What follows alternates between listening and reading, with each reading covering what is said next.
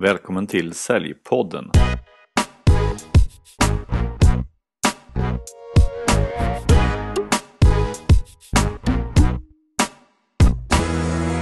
Idag har jag en riktigt spännande gäst med mig här i Säljpodden och det är etikettexperten, föreläsaren och företagaren Mats Etikettdoktorn Danielsson som årligen har över 1,8 miljoner besökare på sin sajt om vett och etikett och eh, du har även ett fulltecknat föreläsarschema där du pratar om eh, framgångsrikt bemötande och mitt i allt detta även arbete i livets tjänst och lite politik uppe på det. Välkommen till Säljpodden Mats! Ja, tack så mycket Mattias! Det låter som, ett, eh, som du har lite att göra. Ja, just nu är det, jag har nog aldrig upplevt en sån bokningsfrekvens som har hänt den här hösten. Men det är roligt, det ger eh, resultat när man marknadsför sig. Mm. Jag tänkte innan vi kommer in på alla dina föreläsningar och din sajt och det du jobbar med idag så tänkte jag vi skulle börja en helt annan ände, nämligen från början. Vad trevligt! Ja, du är ju, du är ju Eksjöbo nu, men eh, du är inte därifrån från början va? Inte på något vis, jag är inflyttad Eksjöbo. Utan eh, jag föddes en gång i tiden uppe i Stockholm men jag blev ganska snabbt eh, exporterad ner till södra, vad heter det, breddgrader och växte upp strax utanför Växjö. Mm. Men du, eh, hur är då Eksjö som stad för alla som inte har varit där? Eksjö är en stad som kanske inte ligger mitt i turiststråket, alltså det är nog eh, många som av en händelse når Eksjö, men när man väl träffar Eksjö så är det en typisk svensk småstad men med ett oerhört stort kulturutbud. Här finns eh, inte bara ett regemente och ett sjukhus utan det är, det är verkligen en levande stad med stadsfester där det är upp mot 30 000 besökare. Här är tattoo med marschmusik, här är eh, vissa veckor har vi utbud av klassisk musik en hel vecka. Eh, det finns väldigt mycket att se och möta och uppleva i trästaden Eksjö. Ja, för att det är eh, väldigt stora delar är, upp, är liksom gammalt eh, bevarat va? Eller? Oh ja. Här, mm. finns, här kan man gå vandringar i källarutrymmen och möta apotekare från 1600-talet som tog livet av små flickor. Och byggnaderna är ju, många byggnader har ju sitt ursprung i 1500-1600-talet och trä. Mm. Det är lite som Söderköping. Ja, fast ännu äldre. Det finns ju de tre stora trästäderna varav då Eksjö är den ena och det är, vi är ju inte fler. Så att jag tror att Söderköping har ju sin gamla del men Eksjö är ju i stort uppbyggt som en mycket gammal stad. Just det. Men du, vad ville du bli då när du gick i skolan?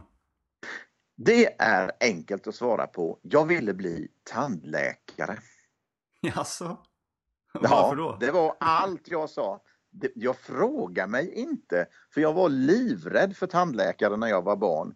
Men alltså det var alltid så hela vägen under hela grundskolan ända upp tills dess att jag skulle välja gymnasielinje och då drabbades jag av en syokonsulent som tyvärr avrådde mig från detta, eller glädjande nog säger jag ju idag då för nu blev ju livet som det blev.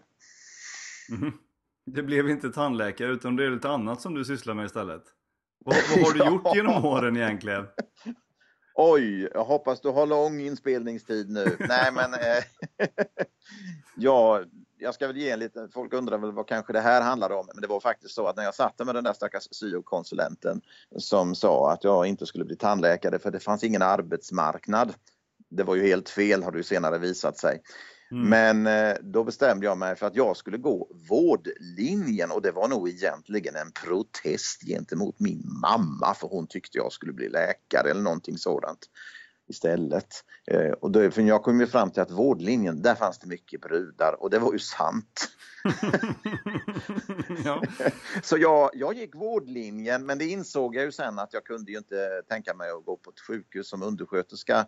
Eh, utan jag valde ju då att bli skötare inom psykiatrin och då jobbade jag inom sluten psykiatrisk vård, alltså den tuffaste slutna miljön du kan tänka dig inom psykiatrin som, den, som inte längre finns. Där jobbade jag en mm. hel del år för att sen läsa vidare till sjuksköterska. Men min yrkeskarriär och mitt första jobb det startade faktiskt på en möbelfabrik.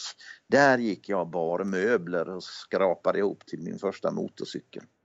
Mm. Sen när jag jobbat i psykiatrin och eh, bestämde mig för att läsa till sjuksköterska så eh, gjorde jag det och eh, då upptäckte jag att det här med eh, den öppna sjukvården, alltså i hemmen, var någonting som jag tyckte var väldigt spännande. Så då läste jag så småningom vidare till distriktssköterska som då är den akademiska examen man får. Mm. Och när jag hade gjort det så tyckte jag nog att det var lika bra att fortsätta plugga några år till så då läste jag ledarskap inom vården i några år till på det som nu idag är Linnéuniversitetet i Växjö. Mm. Och eh, jag jobbade egentligen bara som distriktssköterska ett och ett halvt år för att sen fick jag en tjänst som eh, motsvarande idag då, det hette inte så då, men verksamhetschef för en vårdcentral. Tills eh, slutet av, slutet av 90-talet då jag blev rekryterad till läkemedelsindustrin och där hamnade jag ju för att bli kvar under många, många år fram till 2006. Så mm. Eh, där var väl egentligen min eh, största yrkesplattform om man säger i läkemedelsindustrin. Och det var en säljande roll som jag jobbade med. Mm. Jo, vi har ju träffats där några gånger genom åren. Många I olika gånger. sammanhang. Ja. Men hur, hur, eh, när kände du att du ville byta från läkemedelsbranschen då och bli eh, både företagare och eh, föreläsare? Jag har nog närt en dröm under många, många år i mitt liv att bli egen företagare. Men jag tror att det var för mig som för många andra. Det, liksom, det gäller ju att hitta den där unika idén och den, ja, den bara sitter ju inte där utan en dag så plötsligen så såg jag att det fanns någonting. Och det var ju att jag hade ju ända sedan jag var tonåring haft ett litet udda intresse med det här med vett och etikett och framförallt historien bakom varför vi gör på olika saker. Så jag läste ju egentligen allt jag kunde komma över och när jag träffade min fru Jane då, jag har ju varit gift tidigare, så när vi träffades och valde att dela våra liv tillsammans så hade hon en, en etikettbok liggandes i sin bokhylla och när det hade gått ett tag så sa hon, vad är det med den här boken? Den har aldrig varit öppnad och nu är den nästan sönderläst. och det var ju en bok som jag aldrig hade sett.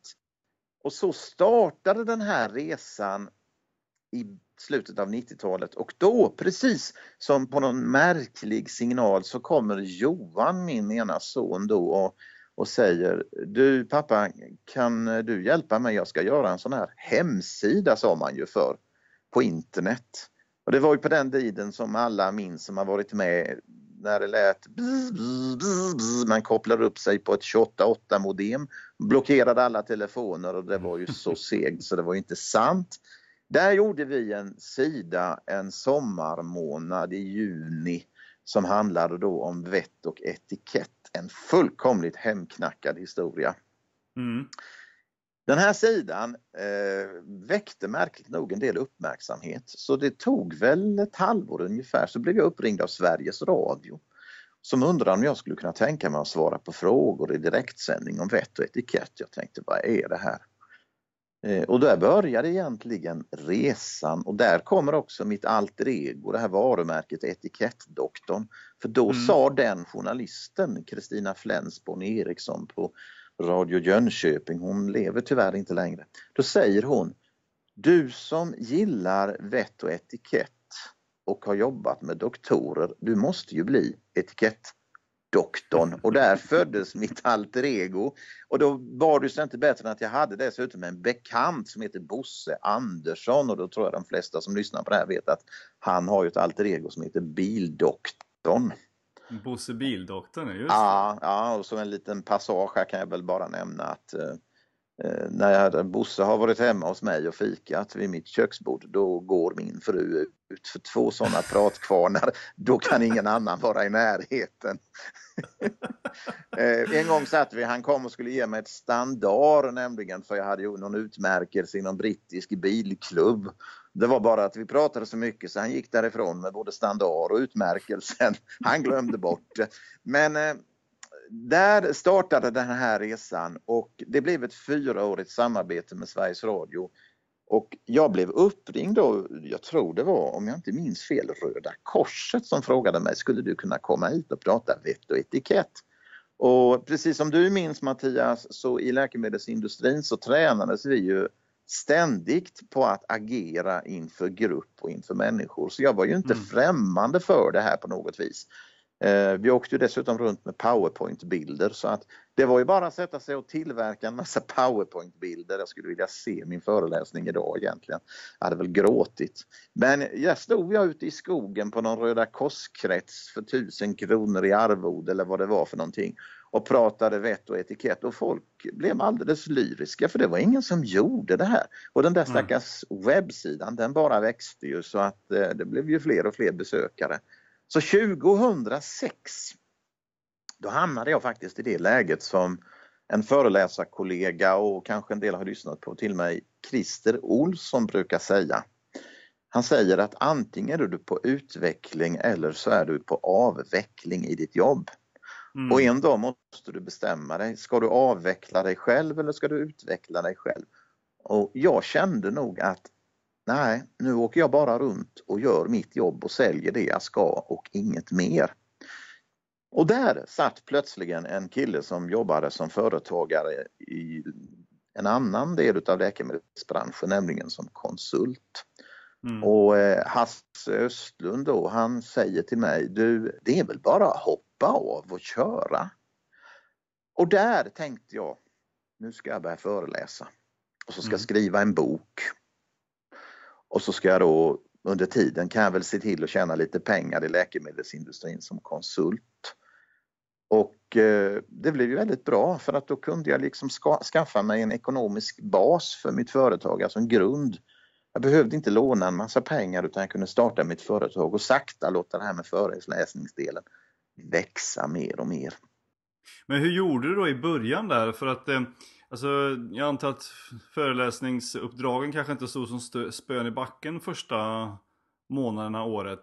Utan att man fick eh, jobba upp det där lite grann, sprida sitt varumärke. Men hur, hur jobbar du med det då? Ja, det, och det var en lång resa. Ja, det, det var ju egentligen det mest spännande av alltihop. Nej, för det första så kan man ju inse, och det har jag ju insett under resans gång, och det gäller än idag, man blir inte rik eller man kan inte försörja sig på att prata om knivar och gafflar och bestick och klädkoder. Det går inte idag heller. Eh, mm. Men däremot så var det ju intressant att veta hur kan jag hur kan jag sätta varumärket? Men det egentligen var det från början så att jag var ju ute efter att få besökare till min webbsida. Mm. Och eh, alltså så mycket tokigheter som jag har sysslat med. Jag, ett råd som jag skulle vilja dela med mig av till alla som vill starta upp en sån här verksamhet och plantera sitt varumärke. Det fick jag, skaffa en mentor. Det kan man antingen göra formellt via Almi eller någonting annat. Det har jag också gjort. Men man kan också skaffa sig en gammal företagare. Man kan gå till någon pensionerad framgångsrik företagare och säga till den här mannen eller kvinnan, i det här fallet var det en mycket klok man jag fick tag på, och säga du vad gjorde du? Och han lärde mig det att fredag eftermiddag när klockan är sådär framåt halv tre, då sitter alla journalister och försöker rassla ihop det där sista mm. innan tidningen ska gå i tryck och de vill gå hem. Det är då mm. du kan få in en sån här liten plug-in, tio rader omkring någonting du har nu har varit och pratat om någonstans. Då kan man vara liksom, etikettdoktorn var och pratade hos Sonta, någon sån här kvinnoförening som lyssnade på. Han lärde dem om allt om etikett och pratade historiska och så blev det pang så fick man in den. Och så småningom börjar ju andra tidningar intressera sig. Samtidigt så satt jag, jag hade skyltar på min bil, jag skaffade personliga bilplåtar. Jag hade till och med under en period en stor målad skylt ut med en väg där jag hade min webbadress om vett och etikett och etikettdoktorn. Men jag hade ju inte råd att sätta upp belysning på den där. Så jag åkte mm. dit och satte marschaller innan jul. Så jag höll nog på och satte marschaller. Det är klart att allt sånt här drar ju folks intresse. Vad är det för en stolle som gör det här? Och mer och mer försökte med gerillamarknadsföring hela tiden synas, finnas på nätet. Det fanns ju inga sociala medier eller någonting utan här gällde det att få trafiken dit, att få folk att komma till den här adressen. Och i mm. alla lägen så fort du gör en intervju eller på något sätt exponeras, försöka få journalisten att ta med ditt varumärke Etikettdoktorn och få in det här med adressen. Och inte ta betalt för det heller utan våga säga jag skulle vilja göra den här intervjun men då får du hjälpa mig med det här. Och så här har hela tiden varumärket växt för att idag bli så etablerat som det har blivit. Idag får jag ju svara etikettdoktorn i telefon till och med.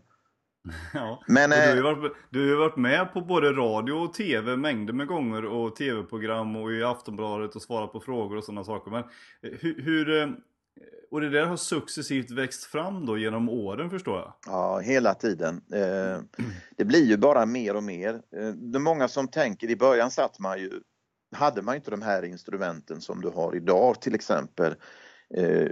Om du tittar på webben så är det ett ganska bra instrument att följa på Google Analytics till exempel, att se hur, mycket ökar trafiken om du då gör ett tv-inslag. Jag har ju jobbat med både kanal 5, jag har jobbat med TV4, jag har suttit i morgonsoffer, jag har jobbat med SVT, jag har jobbat med SVT 24. Jag var så sent som i fredags den förra veckan uppe och gjorde ett tv-program med TV3, vilket jag inte tyvärr kan berätta vad jag gjorde men eh, för det är, det är ju bunden av hemlighet ännu tills våren. Eh, men alla de här sakerna, när man tittar så ser man man ser ingen ökning i trafik om man bara är på TV en kväll. Nej. Utan det man måste hela tiden vara med på det är att försöka få tidningarna att också skriva om det här. Att försöka få in debattartiklar i tidskrifter. Så för syns du på TV, hörs du på radio, samtidigt förekommer i tidningen, det är då effekten kommer. När man i alla medier plötsligen syns. Det är då man måste vara där. Och det gäller bara att ligga på. Och idag behöver jag inte fundera över det för idag ringer det i stort sett en journalist varje dag på vardagarna. Mm. Och gör intervjuer i alla möjliga. Så sent som i förra veckan var det som jag sa TV3 men det var mitt eh, någonting med mitt nytt. Nu var det Halloween och nu är det Gävleborgs län och det hela där uppåt de tidningarna. Expressen, Aftonbladet, Svenska Dagbladet det är hela tiden så att de ringer. Det är ju fantastiskt. Menar, du driver ju ändå Sveriges största sida för, eh, för vett och etikett, men även med bloggen också då. Och det är över 1,8 miljoner besökare varje år. Varför tror du att intresset eh, för det här med uppförande, regler, dukning, sociala normer och så vidare är så populärt? Ja, det, jag vill säga direkt att väldigt mycket går mot relationer också.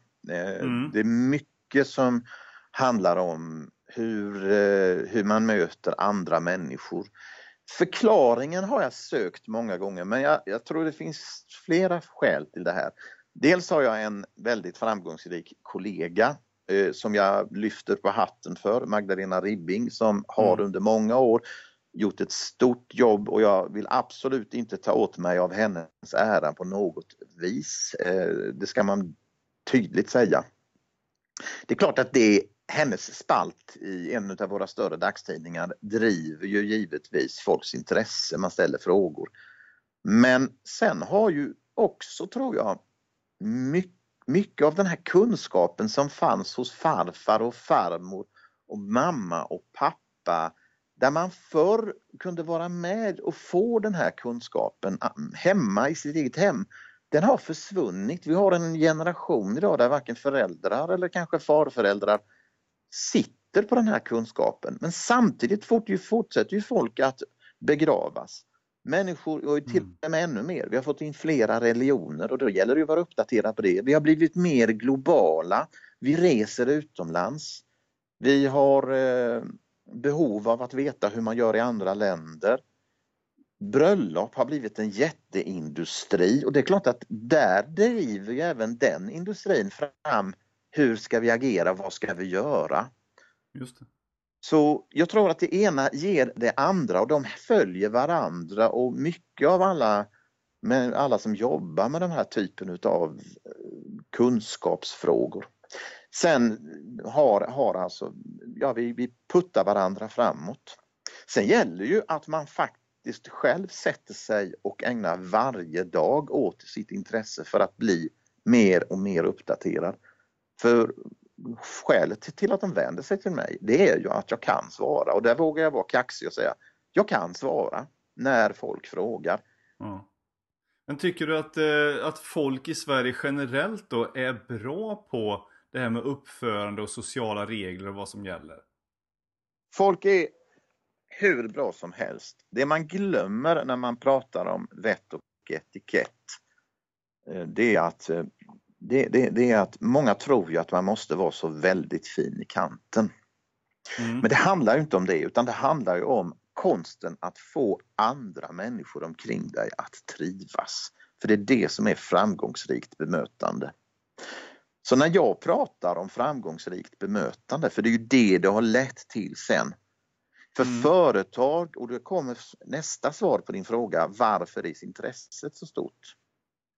Företag, organisationer, myndigheter, du kan välja vad du vill, kommuner. Alla har idag uppmärksammat att 57% av alla köpbeslut vi tar, tar vi på känslomässiga grunder. Det sa den gamle managementgurun Pete Drucker, tror han hette, han lever inte längre. Mm. Men det finns också undersökningar som tydligt visar att 67% utav alla kunder som byter leverantör gör det därför att de inte har blivit sedda.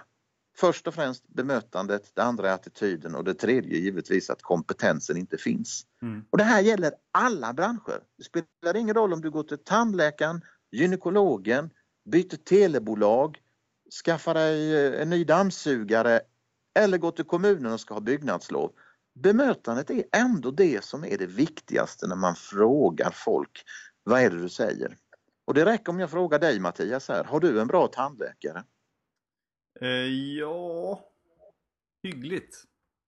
Jag hade önskat lite bättre bemötande faktiskt. Exakt, mm. för det är det första människor svarar på. Så där har du svaret på frågan.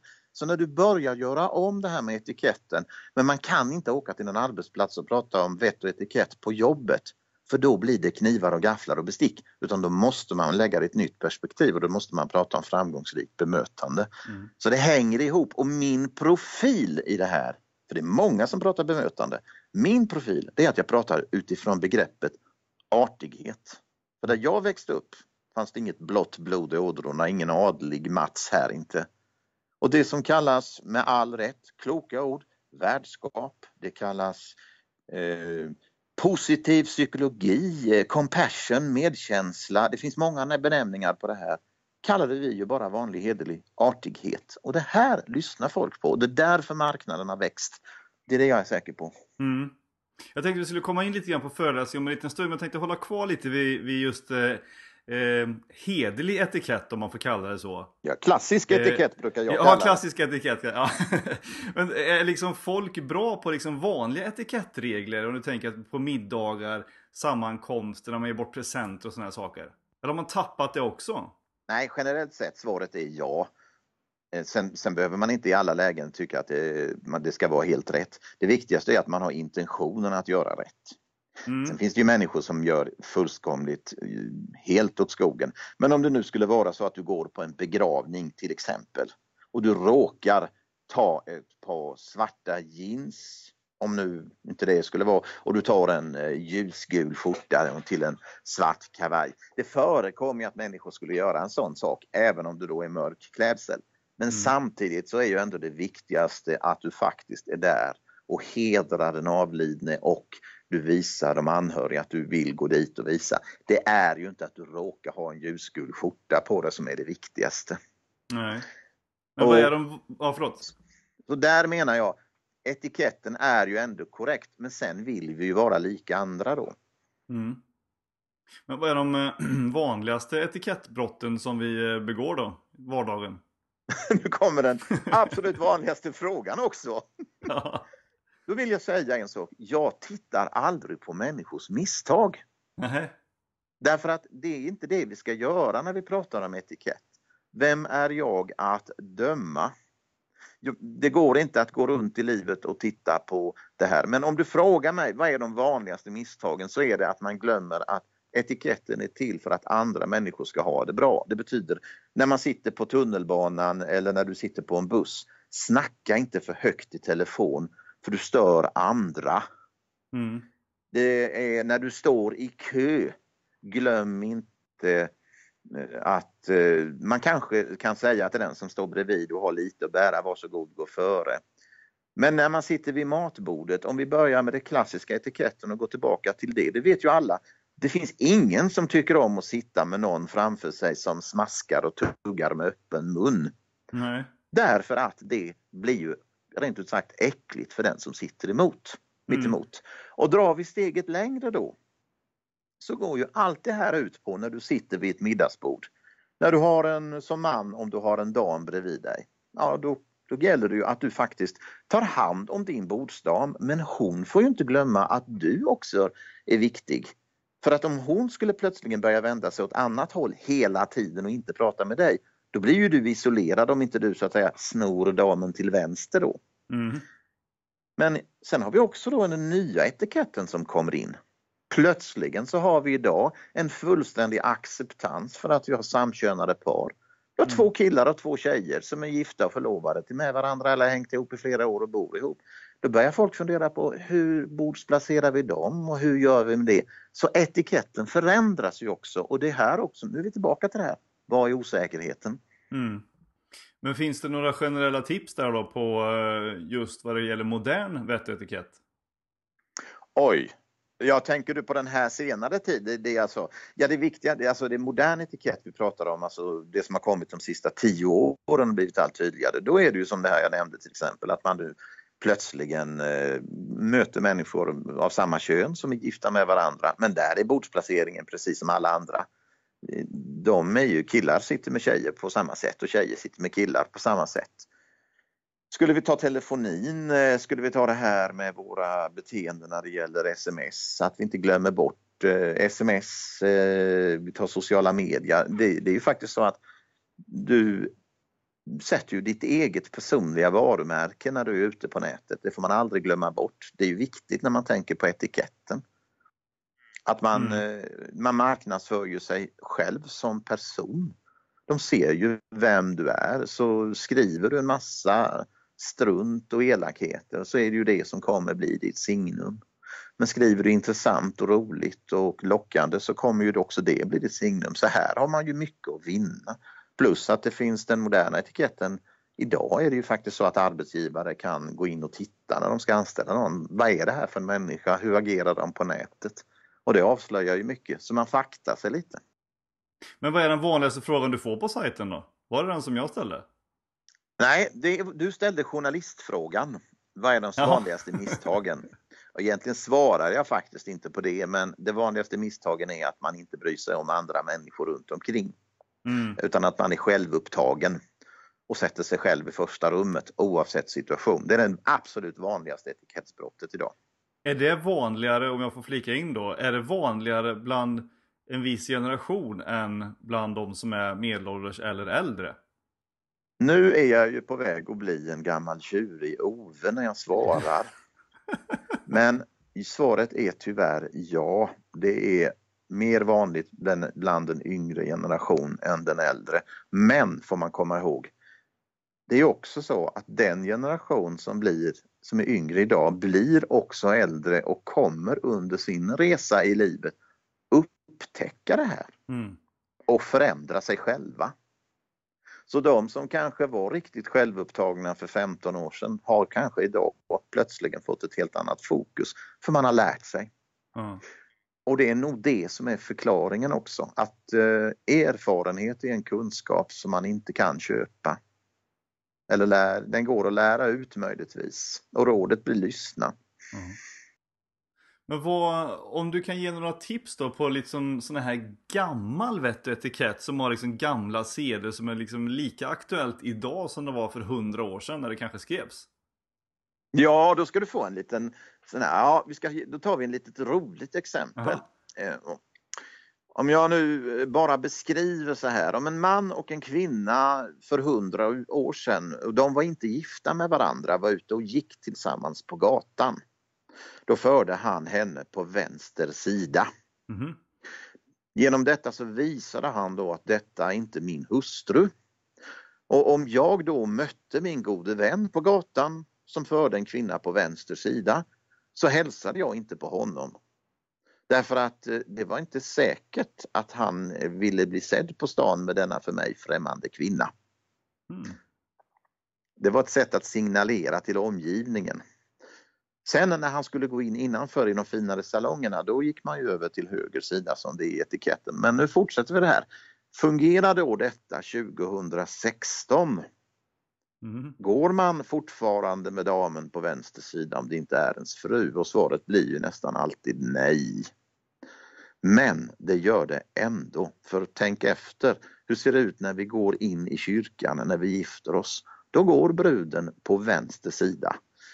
Och så går man fram till prästen och så vigs man och så vänder man sig om på stående fot och så för man ut sin nyvunna hustru på höger sida men hon går fortfarande på den norra sidan i kyrkan där hon gick in och nu går hon alltså på höger sida. Så den här gamla regeln hänger fortfarande kvar i vårt sätt att agera.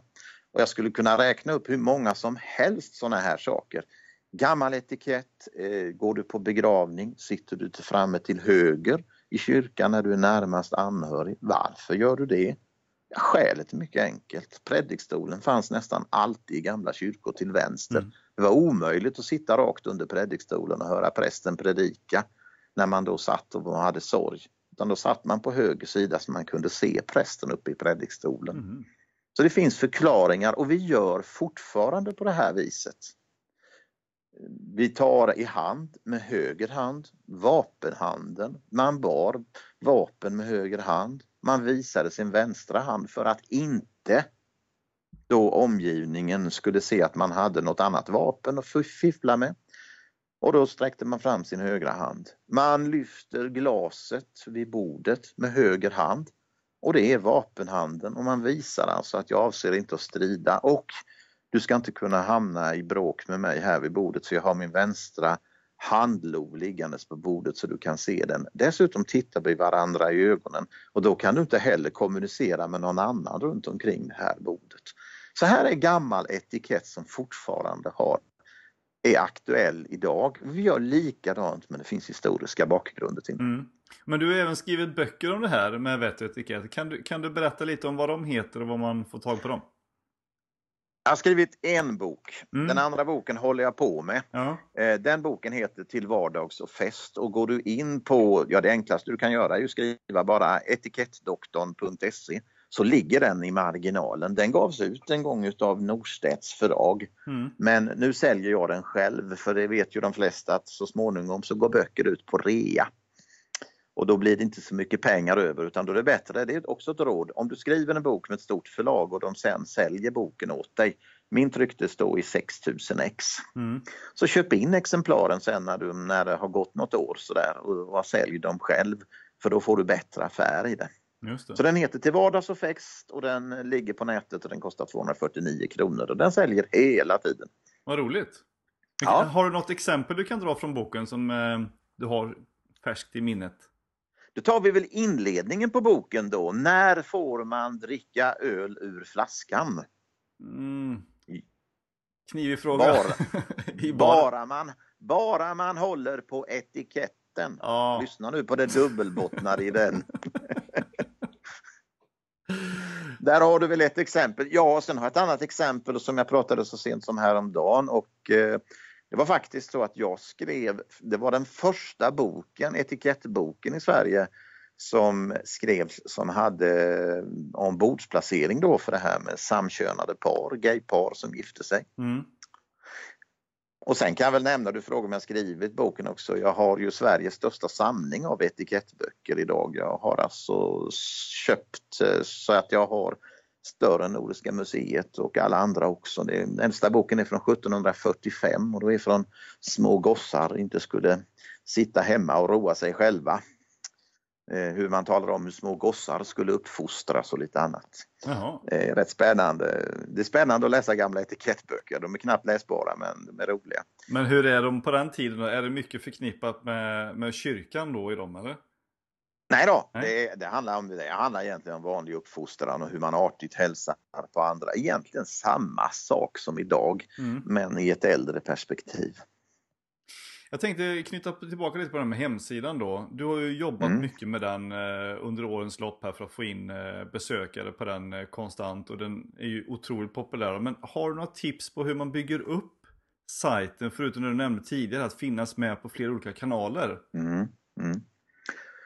Ja, det är ju en lång resa. Men du måste först och främst bestämma dig för vad är det jag vill förmedla med min sida.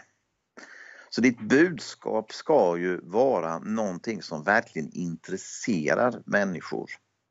Någonting som när man, man går in på din sida så ska du ha någon nytta av det. Det är först då besökaren kommer. Mm. Och Det finns ju ett otal exempel på sådana här sajter vad det gäller till exempel hur du använder din kamera och hur du använder, ja det finns ju hur mycket som helst. Så det ska finnas ett specifikt mål med den. Vad är det jag vill veta här?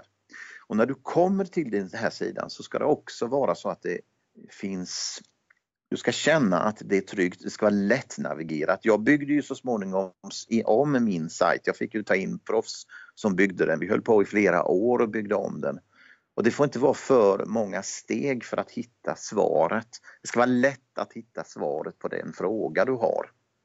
Mm. Och det ska tillföra någonting så att läsarna verkligen känner. Sen måste man ju tänka också väldigt mycket när man går in på den här kunskapsbaserad bit. Det är ju att den är, du, du är upphovsrätten. Du får inte kopiera andra människors texter. Du måste göra om texterna, du måste skriva om det i ditt eget tänk så man upplever att det här är verkligen dina recept på vad de ska ha. Och sen, ska du så, sen måste du jobba hela tiden med sökordsoptimering. Det tar tid att klättra men om du sätter målet att bli etta på dina viktigaste sökord så det är egentligen där du ska starta. Börja med att fundera på vad är det man söker på här? Och i mitt fall, det är inte så många som söker på just ordet vett och etikett om man tänker efter. Visserligen gör de det, men de kanske söker på klädkoder, de kanske söker på mörk kostym, de kanske söker på duka ett bord eller de söker på smoking eller de söker klädsel på begravning eller formal black tie om man tar engelska uttryck till exempel. De vill, mm. Det finns specifika saker, så sätt dig ner och börja lista vad tror du folk vill ha utav det här? Och sen jobbar du utifrån de sökorden. Se till att din sida när du bygger den, att du inte bara har en siffra uppe i den här ämnesraden som du skriver in det gäller att även den indexerar att det är mörk kostym. Så i mitt fall så står det www. Nu säger jag en annan webbadress här för jag har ju sagt etikettdoktorn men det är ett alias som kommer till www.vettoketikett.com. Men då är det mm. viktigt att man äger, även äger vettoketikett.se, vettoetikett.se. Det är viktigt att äga den engelska etikettdoktor.com och det gäller att ha en komadress det gäller att hitta felstavningar, att hitta andra sökningar på den här adressen så när man hamnar hos dig, hur du än vänder och vrider dig. Mm. Och så här får du hela tiden jobba och så ständigt, ständigt uppdatera den. Jag jobbar minst två timmar varje dag. Och det gör jag 365 dagar om året, kanske under semestern och helgerna lite mindre då. Men jag jobbar minst en timme om dagen med sajten fortfarande för att den ska ligga högst i ranking. Och folk ska mm. hela tiden känna när de går in där, det finns alltid någonting nytt att läsa. Så även om du går in på morgonen klockan åtta så ska du gå in, kunna gå in klockan tre på eftermiddagen och då finns det något nytt att läsa samma dag. Och det här kan du ju göra genom att du förbereder det. Du kan ju schemalägga alla de här sakerna i, i dina sajter. Du kan ha artiklar som är helt och klart uppbyggda men bloggen gör ju då att man drar in och så länkar du via de här blogginläggen till dina artiklar. Så du hela tiden korslänkar. Var du än är så ska du alltid hitta något nytt att läsa inne på sajten. Så när du har läst färdigt artikeln, aha, här fanns mer att läsa. För det är ju så vi gör, vi läser ju och då gäller det att ha det överblickbart. Folk är väldigt snabba. Går de in och tittar på mörk kostym, om jag nu tar det som ett exempel, en av de absolut vanligaste frågorna, den ställde du den förut till mig. Vad är, vad är den vanligaste frågan jag får? Så är det begravning och klädsel. Mm. Och går du in på mörk kostym så kanske inte du är så intresserad av den mörka kostymen utan du är intresserad av att läsa vilken slips ska jag ha? Och då ska du omedelbart när du kommer in på den här artikeln kunna se slips. Klicka dig dit, läsa om slips och när du har läst om slips så ska det direkt därefter ligga möjligheten att läsa, aha, här kan jag läsa om skjortan och här kan jag läsa om det andra. Och så får du, får du läsaren att stanna kvar och vilja återkomma. Så det är hela tiden ett tänk att jobba med det här. Sen är det viktigt att i artikeln du gör, jag har en rubrik som tydligt talar om vad är det som det här handlar om. Så frågar du mig då om den här mörka kostymen jag nyss pratade om så ska det stå mörk kostym men det ska också stå vett och etikett i rubriken. Och sen ska texten vara relevant. Och så börja inte med, med, med sån här keyword stuffing som det heter. Räkna upp 600 olika eh, nyckelord ner, utan det är bara de, har du nyckelord som har blivit allt mindre viktiga, men ha bara eh, låt oss säga 7-8 stycken relevanta nyckelord som i man kan söka på. För det här kommer sökmotorerna känna av. De känner av uppdateringen, de känner av förändringen, de känner av att du hela tiden är aktiv och de känner av att det är relevant. Och sen givetvis ska du alltid försöka få ut sociala medier. Så mm. att alla sociala medier och det inkluderar även filmkanaler, film, ljudinspelningar, länkar till tv-program, länkar till tidningsartiklar, jobba med korslänkar. Och då ska det vara relevanta korslänkar. Skriver jag om bröllop så är det bra om jag kan ha på min länksida bröllopssajter mot att de också går tillbaka till mig. För då ökar din eh, sökmotoroptimering och på det viset så kommer du hamna högst. För vi tittar alltid första tio orden på Google. Mm. Och de första tre, fyra, det är där du ska finnas. Och det tar tid. Ja, jag kan hålla på med länge med det också Mattias. ja, men det är intressant att höra för att jag menar det, det är ju ett, ett gäller att förstå det här när man bygger upp sina egna hemsidor. Många kan tycka att ja, men jag får ju inga träffar, jag jobbar jättemycket med att lägga ut saker på Facebook mm. och jag egentligen 8000 människor som är i min kunddatabas men det är bara 20 stycken likes. Varför mm. får jag inte fler? Mm. Eh, det finns ju mängder med sådana förklaringar eller ja. önskemål givetvis. Men det handlar om att jobba konstant med en utveckling och en finjustering för att, som du säger, korslänka, länka till andra kanaler, ha olika typer av medier, videos, nedladdningsbara rapporter etc. etc. Mm. Så det är ett stort jobb man behöver göra. Det ska alltid finnas någonting för alla. Sen ska man inte jobba med det här med likes. Det, det, man behöver inte hänga upp sig på det. Om vi tittar på till exempel Facebook som du nämnde. Jag har givetvis en Facebook-sida. Men den Facebook-sidan länkas automatiskt till Twitter. Och Twitter mm. använder jag varje dag för varje gång jag gör ett nytt inlägg. Då går, då går alltså det inlägget, där lägger jag på morgonen, när jag lägger in på morgonen den här frågan är ställd idag, så lägger jag en intressant ämnesrubrik på Twitter som automatiskt också lägger den både i LinkedIn och på Facebook på min då sida. Men där behöver du inte räkna en massa likes för alla de likes du får gör ju ingen nytta utan målet för dig ska ju vara att se till att läsaren istället ska klicka på länken för att komma till din sajt. Exakt. Inte att få en massa likes. Det, det, är bara en belöning men det är inget mått på din, på din framgång. Du bokar hellre en föreläsning än att få 200 likes? Ja, definitivt. Och absolut, eller som du, jag kan ge ett exempel som är väldigt aktuellt just nu. Halloween, mm. ett eh, nytt begrepp i Sverige. Halloween är någonting som folk är väldigt osäkra på. Då gäller det att se till att i god tid, under lång tid jobba upp ett material omkring Halloween. Och sen när det blir dags, nu några veckor innan det går ut, då ska du gå in Då ska du gå in och så ska du ha, då ska du liksom via de här sociala medierna, via frågeställningar på olika sätt få folk att se att här finns den rätta texten om Halloween. Och det då, då börjar de att dela, så jobba inte med gilla längst ner i knappen på din sida utan lägg en dela-knapp längst ner. Mm. Så, att man, så, det, för, så man delar det här, för det är det som ger effekten varje gång du delar. Och jag kan säga just nu här idag tittar jag på statistiken bara för någon timme sedan. Jag har konstant 50 personer inne om halloween hela tiden på den artikeln. Och mm. det är 24 timmar om dygnet, det är konstant 50 personer.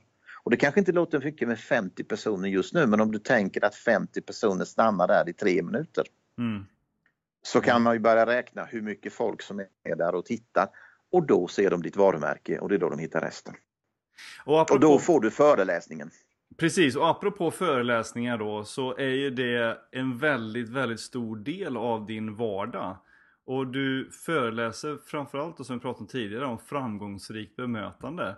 Kan mm. du berätta lite om vad den eh, föreläsningen handlar om? Egentligen handlar det om det som vi alla kan och har inom oss. Det handlar alltså att skapa nya kundrelationer och behålla kundrelationer eller förbättra arbetsklimatet. För nu pratar vi om utifrån ett arbetsplatsperspektiv. Och för att göra det så måste du ha en insikt om hur tänker människor och hur reagerar människor och vad är det som gör att vi gör på olika sätt? Jag, får jag ta någon minut en utläggning om en parkeringsvakt? Ja, visst. Jag eh, brukar berätta i mina föreläsningar om en parkeringsvakt när jag parkerar min bil utanför ett eh, liten butik och det är en söndag, en gråmulen höstkväll och det är klockan är fem, jag ska bara springa in och köpa en kvällstidning. När jag går in där så tänker jag, jag ställer mig på lastzonen utanför. Söndag, finns inte en människa ute, finns ingen alls, det är tomt, det är folktomt.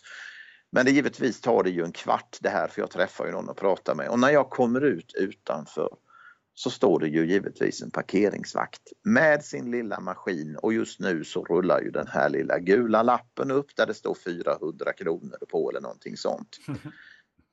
Då är ju min första tanke jag ska inte svära här i podden nu utan, men ni förstår ju själva ni som lyssnar vad jag har för reaktion. Och vad är reaktionen? Vad gör han här i Eksjö på en söndag där tre bilar in i rondellen är detsamma som en bilkö. Alltså vad gör han en söndag mitt i stan? Varför är han här överhuvudtaget?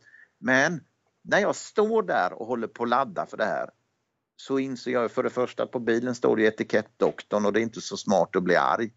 Men det han gör är att han vänder sig mot mig. Han vänder hela kroppen mot mig. Han tittar på mig. Han ler inte direkt men han säger väldigt artigt Du, jag har väntat här i 15 minuter. Egentligen är det 10 minuter som gäller men nu var jag faktiskt tvungen att skriva. Och med det respektfulla uppträdandet att han ser mig så är det faktiskt det som är skillnaden mellan himmel och helvete. Så det slutar ju med att jag får min gula lapp i handen och vad tror du jag säger? Jag säger när jag får den i handen. Tack. Precis. Där har ni grejen. Till och med en parkeringsvakt kan få ett tack om personen i fråga bara kommunicerar, ser mig, visar mig respekt på ett sådant sätt som gör utifrån yrkesrollen. Och det här spelar ingen roll om du jobbar i vården eller om du säljer telefoner eller om du säljer böcker eller bilar eller vad du än gör. Att man måste tänka på det här. Sen går jag ju vidare, jag förklarar också våra reaktioner, hur vi fungerar, hur vår hjärna fungerar, varför vi faktiskt ibland flippar ut och reagerar väldigt konstigt. Vad är det som gör att vi blir förbannade, att vi blir ledsna, att vi skrattar, att vi gråter? Jo, därför att vi klarar ibland inte att hålla emot det här. Så då får de en ren fysisk med bild och berättelser. Mm. Och allt är ju genom, allting ska ju sägas, jag jobbar ju varje år med en regissör som sitter, vi sitter och går igenom precis varenda minut utav min föreläsning. Uppstarten är oerhört viktigt. Att få, med, att få med publiken från början, att de ska känna inledningsvis det här är ju roligt, det här är ju spännande, det här vill jag lyssna mer på. Skrattet. Inte att ställa sig och säga hej jag heter Mats Danielsson, jag ska nu prata om för framgångsrikt bemötande. Det kommer inte. Så jag har till och med tagit bort min egen presentation i min egen föreläsning. Och då frågar ju någon varför. Jo, därför att de har ju anlitat mig. De ska ju redan veta vem jag är när jag är där. Jag är ju där därför att jag är ett varumärke. Mm. Jag behöver inte presentera mig. Därför att jag är ju anlitad av dem. De ska ju redan ha tagit reda på det. Och sen bygger hela föreläsningen under låt oss säga en till två timmar på insikter, exempel, fall utifrån verkligheten och jag tar med dem ut i situationer där de själva drabbas av gott bemötande men också av dåligt bemötande och låter publiken räkna upp känslor som händer och visar då på hur man på några minuter kan rasera ett helt förtroende. Ja, men när blir ett bemötande framgångsrikt och när blir det dåligt? När du, så här funkar vi som människor. Om du tror att jag gillar dig så kommer du gilla mig och då kommer jag gilla dig på riktigt. Och då blir bemötandet bra. Så det gäller att få kunden framför dig att tro att du gillar dem. För då kommer de att gilla dig. För tänk efter. Ni som sitter och lyssnar på den här podden nu, fundera på om du någon gång under ditt liv har kört extra långt för att köpa någonting. Du har till och med köpt någonting som är lite dyrare bara för att du gillade personalen. Det har alla gjort. Mm. Vi har åkt. Det längsta jag har hört någon, det var hon åkte till Finland och klippte sig. För hon gillade frisören. Eller ännu värre, tjejen ifrån tjejen som var från Stockholm som satte sig i bilen och tog med sig sina barn och körde upp till Grythyttan för att köpa glass. För där var en glassleverantör som var så himla trevlig och det värsta av alltihop som hon sa, jag gillar inte glass. Men gillar personen? Men gillar personen och det är det här det går ut på. Vi måste gilla varandra och det är det bemötandet och egentligen är det här sunt förnuft. Vi har alla det i oss. Och gör du det med artighet, pratar du med Fredrik Eklund, fastighetsmäklaren, ni vet Mm. många, framgångsrik, eh, säljer för miljardbelopp i New York. Pratar med honom så säger han, vad är nyckeln till framgång? Jag citerar honom nu, artighet. Mm. Kunder vill bli artigt bemötta. Och för mig är ju artighet och allt det här jag räknade upp innan. Det är ju bra tips då i säljsammanhang att ta med sig från den här föreläsningen tänker jag då. Ja det är det absolut. Nu pratar jag ju inte om att vi ska bli överdrivna. Det handlar ju inte om herrar som lyfter på hatten eller öppna knivar och gafflar på rätt ställe utan jag pratar ju givetvis om sunt, vanligt, hederligt tänkande. Att tänka efter först. Att kunna använda omvändelsestrategier när vi har någon som är arg. Att börja med till exempel, för att ge ett tips, börja, är det någon som ringer och är arg på dig för att du inte har gjort det du ska eller ni inte har hunnit eller de har fått vänta länge på en produkt. Börja med att bekräfta dem. Jag hör vad du säger. Det här är väldigt viktigt att du ringer mig. Och sen så ska du också, du visar den inlevelsen. Sen bekräftar du dem genom att säga om jag hade varit du, då hade jag också ringt och sagt det här. För att sen lyssna de, då får du förklara processen. Det är nästa steg, då får du tala om så här fungerar det hos oss och det är därför, aha. Men nu gör vi en överenskommelse. Nu ska jag ta det här, du har ringt mig och så ska du jag göra någonting åt det här under tiden så kan överenskommelsen med kunden vara att de helt enkelt inte behöver ringa mer. Mm. Och sen tackar man, oavsett om du har hört det här hundra gånger förut, så ska du framföra ditt tack. Så ska du säga tack så mycket för att du gör oss uppmärksamma på det här, för utan den kunskapen så kan inte vi bli bättre. Och sen ska du aldrig säga nu ska jag lägga det här till min kollega utan jag ska se till att du blir uppringd av rätt person och så vidare. Och så vidare. Det gör du i överenskommelsen. Jag lovar 75% kommer säga Mattias han var helt grym den där killen att prata med. Mm. Det gäller bara Du att kla- ansvar för det helt enkelt. Du vänder klagomålet Mm. till någonting positivt fast egentligen har du inte gjort någonting annat än att du bara bekräftat dem. Men det viktiga är att de känner sig sedda och det här menar jag, det är ju sunt bondförnuft. Men vi måste hela tiden upp, komma ihåg det, få insikt och minnas det här. Och det får man göra då i de här föreläsningarna.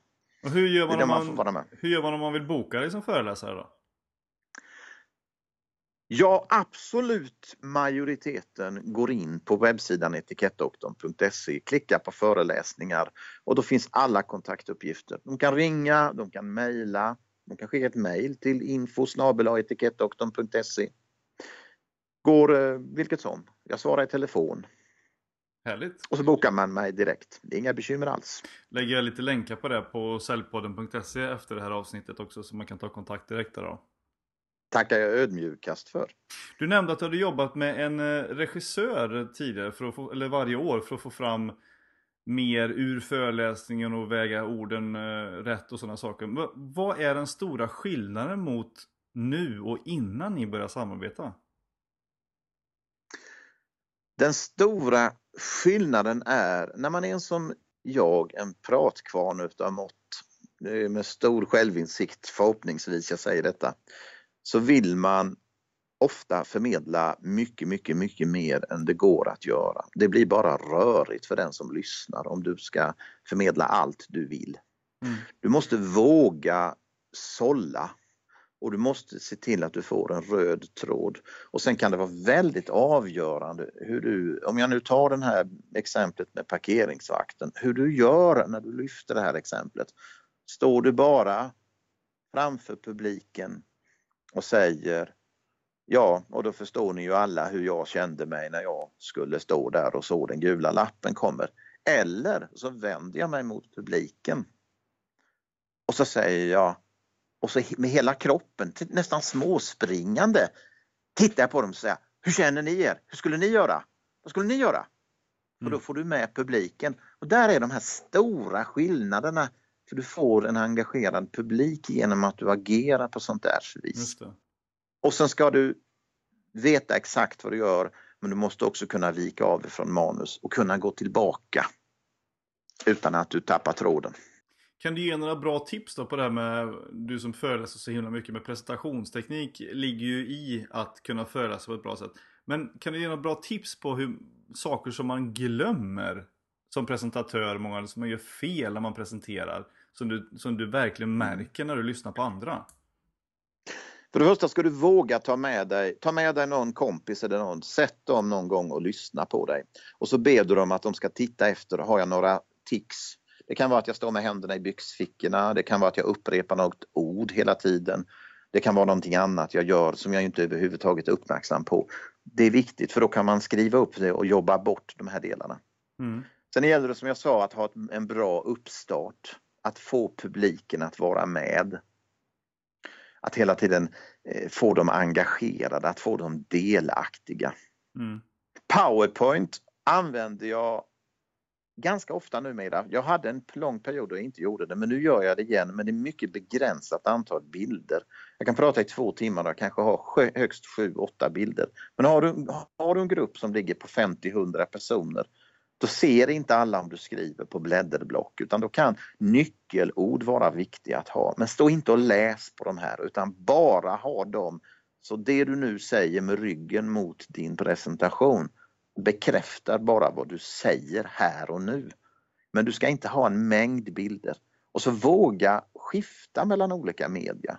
Använd gärna whiteboard, rita, använd blädderblock. Till och med låt publiken få göra vissa saker, vissa övningar som de själva får göra med varandra. Det kan vara hälsning, det kan vara leenden men de får också i vissa fall hos mig får man rita vissa övningar. Så man hela tiden använder flera olika medier eller medium för att förmedla budskapet. Då blir det levande. Mm. Ja, det är superbra tips. Eh, vad, vad, du nämnde ju, eller jag nämnde i inledningen här eh, att du inte bara eh, sitter och jobbar med sajten och ute och föreläser utan även eh, jobbar i livets tjänst. Ja. Du brukar säga det eh, ibland att ja, nu ska jag gå och jobba i livets tjänst. Vad innebär det? det innebär kort och gott att jag från början återtog mitt gamla yrke som distriktssköterska. Ja. Eh, och då vill jag betona en sak, för då kanske någon säger, varför säger han sköterska? Jo, jag säger det helt enkelt därför att du säger aldrig läkerska. Och då bestämde jag mig en gång att säga som akademin säger, det heter sköterska, även om du är man. Men det var en mm. liten parentes bara. Eh, jag gjorde det här eh, som företagare så lär vi oss alla att vi får svackor. Mm. Och eh, när finanskrisen var där någonstans 2008, 2009, 2010 då var det även tufft för en etikettexpert. Mm. Där någonstans i sviterna efter det här så eh, blev det, jag hade haft ett ganska långvarigt uppdrag i ett EU, ett EU-projekt och därefter så var det inte så gott om föreläsningar, det blev mycket avbokningar och då gick jag in och skulle sälja en eh, föreläsning till en äldreomsorgschef som sa, nej men kan du inte jobba som, som du är gammal distriktssköterska, kan du inte göra det? Men det är ju inte klok så jag har ju inte gjort på 20 år. Men så tänkte jag, äh, jag tjänar väl några pengar på det där, lite, jag får ju lite lön i alla fall. Mm. Och det visade sig att det var otroligt roligt. Så jag hoppade in ibland. Sen upptäckte jag ju att eh, som företagare så tror man ju alltid att nästa år kommer vara mycket sämre. Så när året börjar och man ser att det inte är så mycket att göra så, så tackar man ja och så småningom så tänkte jag, ja men det här är ju ett eftertraktat yrke. Jag kan ju inom ramen för mitt företag hyra ut mig själv istället. Jag kan Mm. helt enkelt mot eh, debitering eh, göra det jobb som jag är ganska bra på vill jag påstå. Och det är ju väldigt Mm. roligt. Sen uppstår ju den här situationen att när du väl har tecknat dig för att ta ett antal arbetspass på helger och kvällar, det är då du börjar få en massa föreläsningar också. För det är då du blir trygg. och eh, då står man där kanske som jag gör just nu, men då får man plocka in lite nytt folk. Så det har jag gjort med. Jag tar in lite extra folk som hjälper mig. Ja, just det. För jag hinner Men inte, det är inte med. bara... Nej, det är inte bara... Och det är inte bara eh, livets tjänst som är de extra, utan du är även eh, inom politiken i Eksjö. Ja, sitter som vice ordförande i samhällsbyggnadsnämnden. Tar väl lite tid också, tänker jag. Ja, och nu börjar jag nästan säga suck. För det, jag ska sanningsenligt säga att jag kan ibland känna att jag tog mig nog lite vatten över huvudet här. Ja. Eh, Men å andra sidan, har man tagit på sig ett uppdrag så fullföljer man det.